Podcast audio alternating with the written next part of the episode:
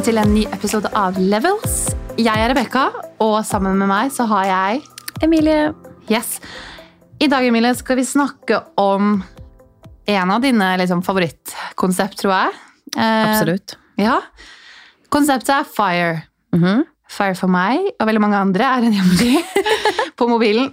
Eh, men det er vel kanskje ikke akkurat det vi skal snakke om en time i dag. Nei, det er litt mer enn det. Det hadde vært veldig gøy da, å snakke en time om hva emojis betyr, men kanskje ikke denne podkasten. Eh, kan ikke du fortelle oss hva er FIRE? Konseptet Absolutt. FIRE. FIRE står for Financial Independence Retire Early. Og det er et konsept, eller egentlig en livsstil, som eh, egentlig bunner i at man bruker mindre enn det man tjener, og man legger av veldig aktivt sparing i fond for å kunne enten pensjonere seg tidligere eller kunne jobbe f.eks. deltid. Så hele bevegelsen handler om at man ønsker å ha flere inntektskilder, man ønsker kanskje å starte en bedrift, og man ønsker å leve veldig mye mindre eller leve, bruke mye mindre enn det man kunne ha gjort da, for å kunne bruke mer i framtiden, eller, eller å slippe å jobbe i framtiden. Så målet i seg selv er å være økonomisk uavhengig Mhm. og kunne pensjonere seg tidlig. Det er jo egentlig det det står for på norsk. Absolutt. Eh, ved å gjøre alle disse tingene som du nettopp ramset opp. Mm. Ok, så hvordan, hvordan ble det her så veldig interessant for deg? Eh, lever du etter FIRE-bevegelsen nå? Det høres ut som en sekt, men Det gjør faktisk det. Det er kanskje det òg. jeg er i FIRE-bevegelsen. Nei, Um, altså- nå skal du prøve å få alle andre til å joine. Ja, nei, altså Det begynte med en veldig sånn genuin interesse for økonomi. Eh, Jeg har jo en bakgrunn i eh, bank og finans og har jobbet Mm. med det i mange år. Eh, Og har òg en, eh, en utdannelse innenfor økonomi, sånn at interessen var alltid der. Og så har jeg alltid likt å ha sidejobber, sideinntekter. eh, har likt veldig godt å drive med prosjekter ved siden av hovedjobben min. da. Mm. Eh, Og i på en måte eh, utforskningen av alle disse sidetingene mine, så kom jeg over FIRE-bevegelsen og podcaster og bøker rundt FIRE, og ble veldig interessert. Mm. Syns det var veldig spennende med ideen om å ha en kortere eh, karriere, og det å ha muligheten til å kunne jobbe enten deltid eller kun med prosjekter som man ønsker å holde på med, og det å ha en passiv inntektskilde ganske tidlig, som da blir uttakene fra sparingen man har gjort i fond. da. Så det interesserte meg veldig. Og så syns jeg Jeg er veldig glad i å jobbe, så jeg ser aldri for meg at den retire early-biten egentlig kicker inn hos meg. Men jeg liker på en måte å ha sikkerheten av at ehm, Du må ikke jobbe. Du, du må må ikke. jobbe. Du Nei. kan ta de prosjektene som du ønsker å gjøre, og man er mye mer drevet av interesse kontra eh, plikt. da. At man Ja. må ikke gjøre Men det krever jo kanskje en eh, Det krever jo litt jobb i starten, da. Jeg tenker sånn, ok, Hvis jeg vil slutte å jobbe når jeg er 40, så krever det en del av meg nå, eller 50. Eh, og Kan ikke du fortelle litt om sånn, okay, hvordan kommer man dit? Hvordan starter man? Hva liksom sånn, hva, Cut it down. Hva er, hva er gjøre? Hva gjør man for å få det til? Altså, Det er et par prinsipper i måte, denne bevegelsen. og Det er jo en at man bruker mindre enn det man tjener. Og det er enklere hvis man har flere inntektskilder. Så man oppfordres veldig til å enten starte en bedrift, eller det å f.eks. drive med eiendom. Mange gjør det gjennom leieinntekter eller flipping av eiendom, eller eh, sideinntekter, sidejobber, for å kunne legge mer til sparing. Så jo mer inntektskilder man har, jo enklere er det selvfølgelig å spare en veldig stor andel av inntekten sin. Og jo større andel av inntekten man sparer, jo raskere oppnår man volum i forhold til eh, fondssparingen sin, som gjør at man da kan um, gå av med pensjon tidligere. Da. Og det gjør folk ned i folk som pensjonerer seg når de er 30 og Men hvordan vet, hvordan vet man hva man skal spare, da? Liksom, hvordan vet jeg at ok, så mye penger trenger jeg for å leve mitt liv når jeg fant 50? Hva gjør jeg, liksom? Det starter jo med en oversikt over hvor mye du bruker, og dette er jo klart at det er mye enklere å få dette til hvis man har et lavt forbruk, fordi da er den summen man skal spare til, vesentlig mindre. Så i FIRE så har man noe som kalles et FI-tall, eller et FIRE-tall, som da er beløpet man skal ha i fond for å kunne passivt ta ut en andel av dette på ubestemt tid i framtiden.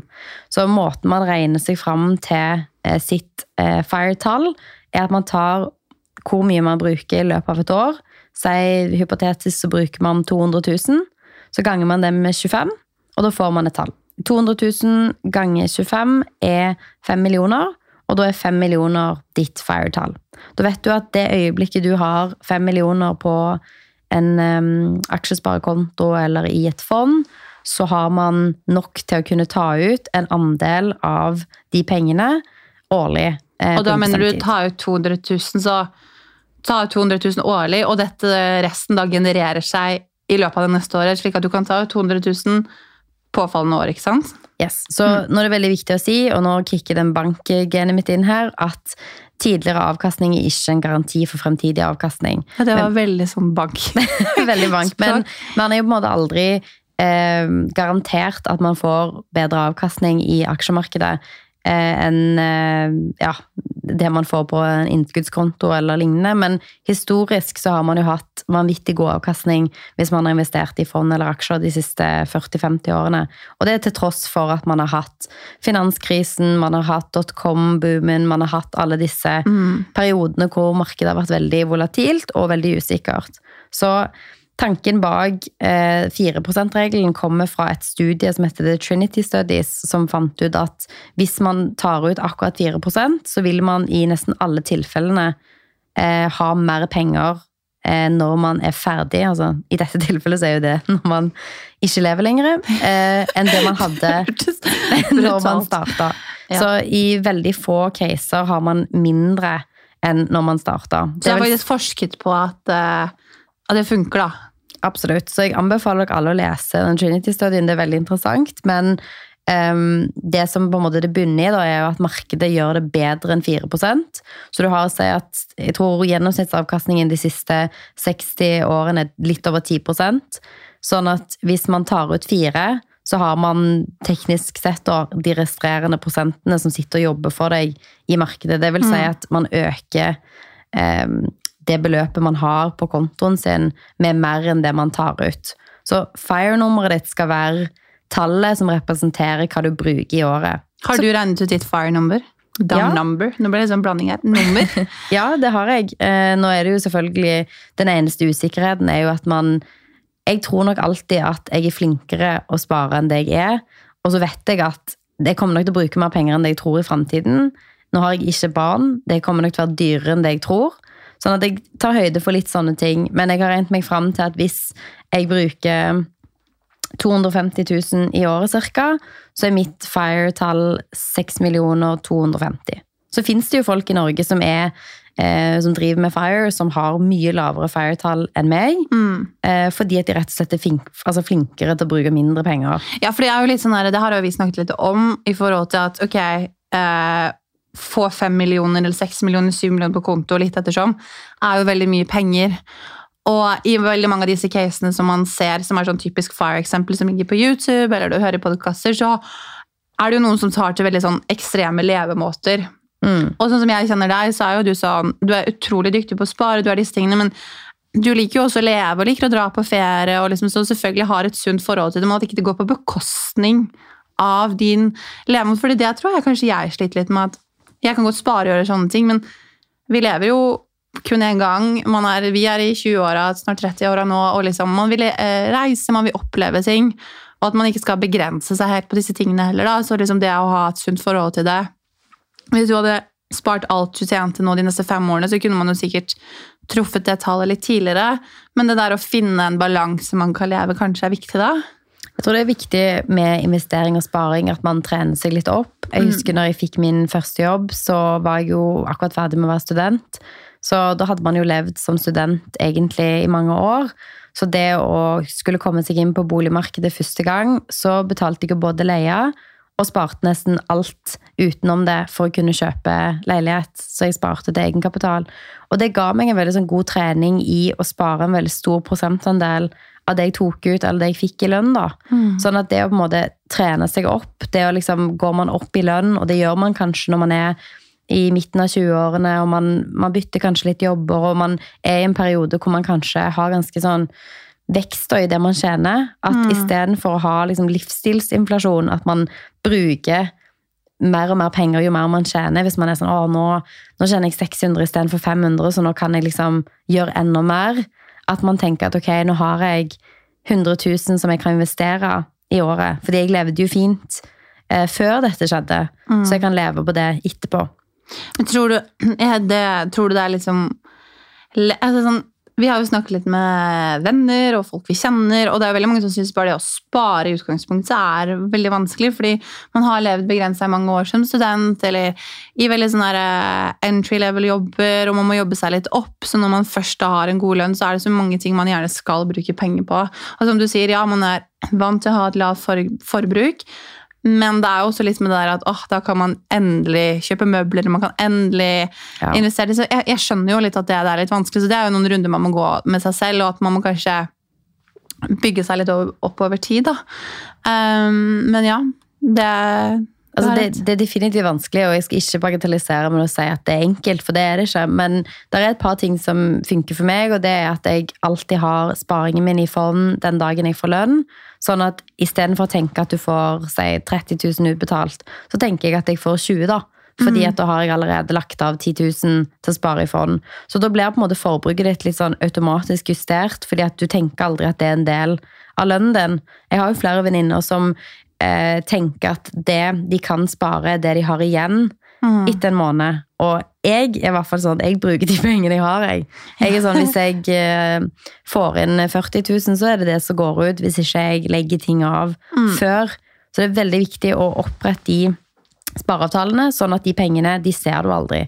For da blir du veldig sånn distansert til det. Da er det sånn, ok, det har jeg allerede gjort. Jeg har allerede lagt av pengene mine, om det er til spare til bolig, eller om det er å spare i fond, eller om du kjøper enkeltaksjer, eller hva man gjør, så er de pengene vekke. Så kan du kose deg for resten. Og det er en mentalitet som har funka veldig bra for meg, fordi jeg er, som du sier, definitivt en livsnyter. Jeg elsker å dra på fine ferier, og jeg liker å på en måte unne meg ting. Så jeg mener at det skal være en balanse, da. Og i mitt case så tror jeg nok heller at jeg har vært flinkere på å øke inntekten min, sånn at jeg kan spare veldig stor andel av det jeg tjener, men at jeg fremdeles måte kan opprettholde ja, eksempel det å dra på ferier, eller å kjøpe fine møbler, eller hva enn det skulle være. da. Alle har jo en sånn ting de bruker penger på. Absolutt, og det er jo litt sånn, det er jo veldig interessant med deg, fordi du har jo en vanlig jobb i gåseøynene. Um, Fast ansatt jobb. Yes. Eh, og så sa du jo helt i starten at eh, det er flere måter man kan generere inntekt på. Det er jo noen av tingene du har gjort. Du har eget eh, selskap sammen med meg. Eh, Ja. Du har et enkeltmannsforetak, eh, en Instagram-konto som du nå også genererer en del inntekt på. Mm. Home with Mila. Alle må inn der og sjekke. der ser man jo også en del andre prosjekter og en del ting vi refererer til i denne podkasten, så jeg tror det kan være ekstremt gøy å gå der og, gå der og se, eller på TikTok. Mm. Eh, og flipping av eh, eiendom, som også er en episode. Mm. Som egentlig spesialiserer seg på det. Men det her har jo også flere former for ekstra inntekt enn bare den faste ansettelsen. Og det er jo også kanskje folk som folk kan se litt mer på. da. Hva er man god på, hva kan man gjøre? Om man ikke skal nødvendigvis velge alt, så kan man jo kanskje Er man ja, flink på et eller annet, kan man ta seg en liten sidejobb? Vi har jo venninner som eh, har tatt veldig etter dette, som har på en måte, ok, men da jobber man kanskje en lørdag ekstra i måneden og setter av de pengene, ikke sant?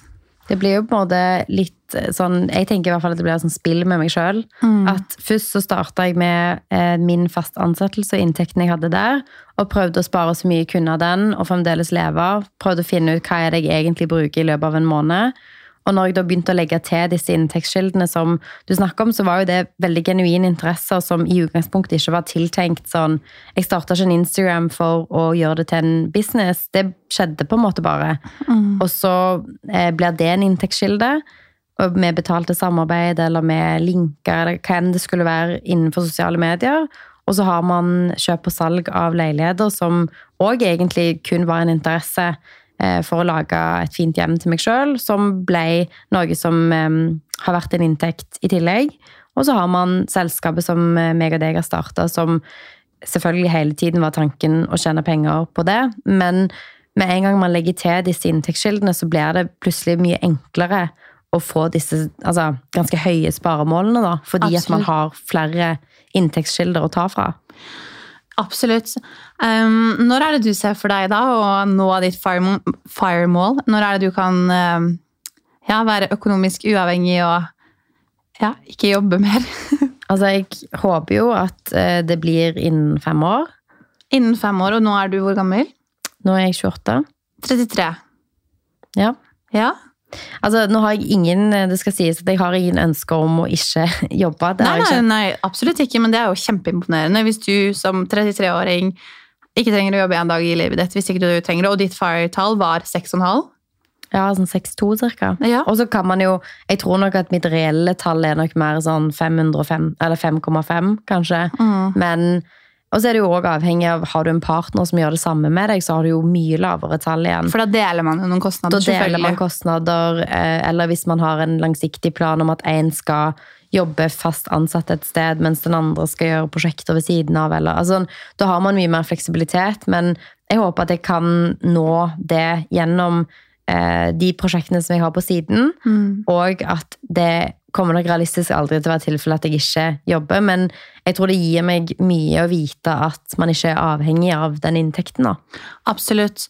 Men eh, liksom som vi snakker nå, eh, du har fem år, det er, kanskje, det er kanskje Du er veldig flink, du har mange inntektskilder. Eh, hvis man kutter det litt ned, hvis man er helt ny i gamet, hvis man tenker litt mer eh, ikke realistisk, men jo, kanskje man kutter det litt ned, da, så er det kanskje 15 år, 10 års perspektiv. Det er noe kanskje mer normalt. Absolutt, men, men bare tenk da, altså, egentlig så skal man jobbe i 40 år, Ja, og, og jeg tror egentlig at man jobber lenger enn det i dag, kanskje Absolutt. 45, kanskje 50, absolutt. eh, sånn at hvis eh, det er utgangspunktet, så er jo egentlig alt under 40 eller 50 år kjempebra. Kjempebra. Så hvis det er 20 år det tar, fantastisk. Da har du nesten halvert tiden som du er nødt til å være ansatt et sted. Men mitt fantastisk. spørsmål til deg, da.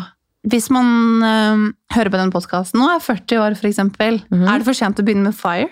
Absolutt ikke. Og det var det som var veldig kult når jeg måtte oppdage dette, var jo å høre på podcaster, dele historier, og det skal jo vi faktisk gjøre her òg. Mm. Høre konkrete historier fra eh, hvordan folk jobber med økonomien sin. Ja. Fordi det er veldig individuelt, og kanskje ikke noe man snakker så mye om, men noe som hjelper veldig hvis man får høre litt ok, hvordan er det andre folk måtte løse disse tingene.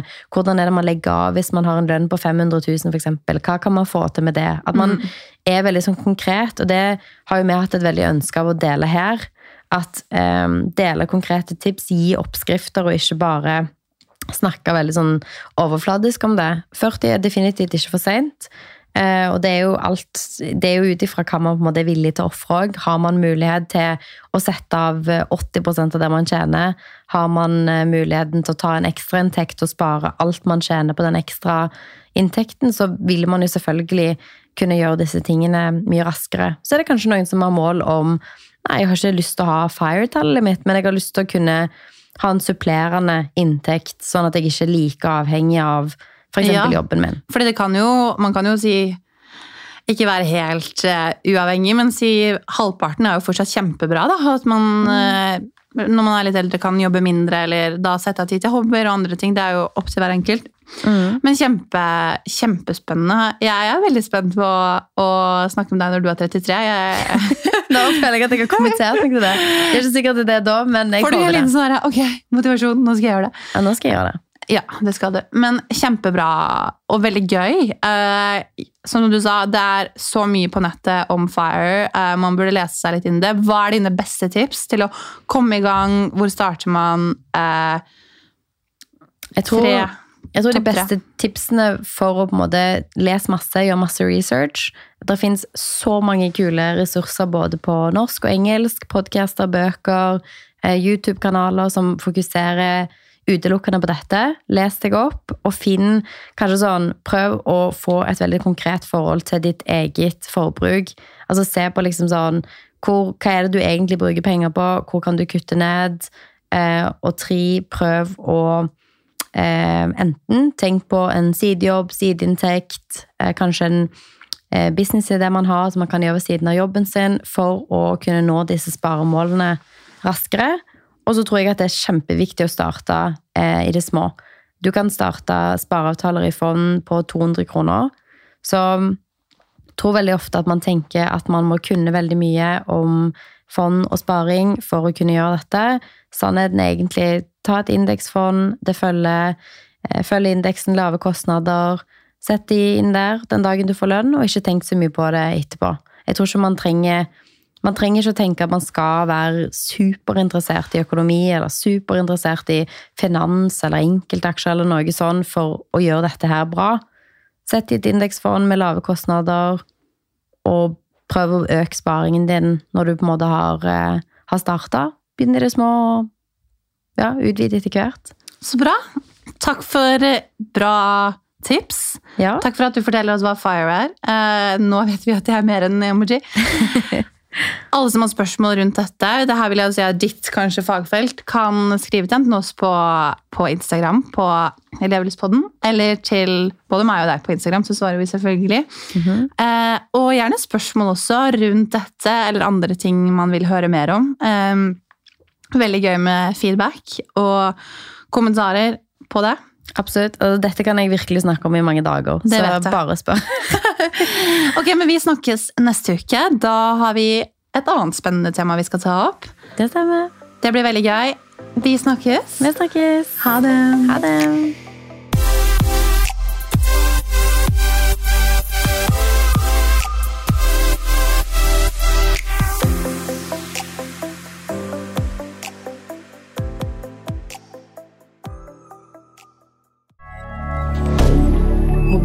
Canada.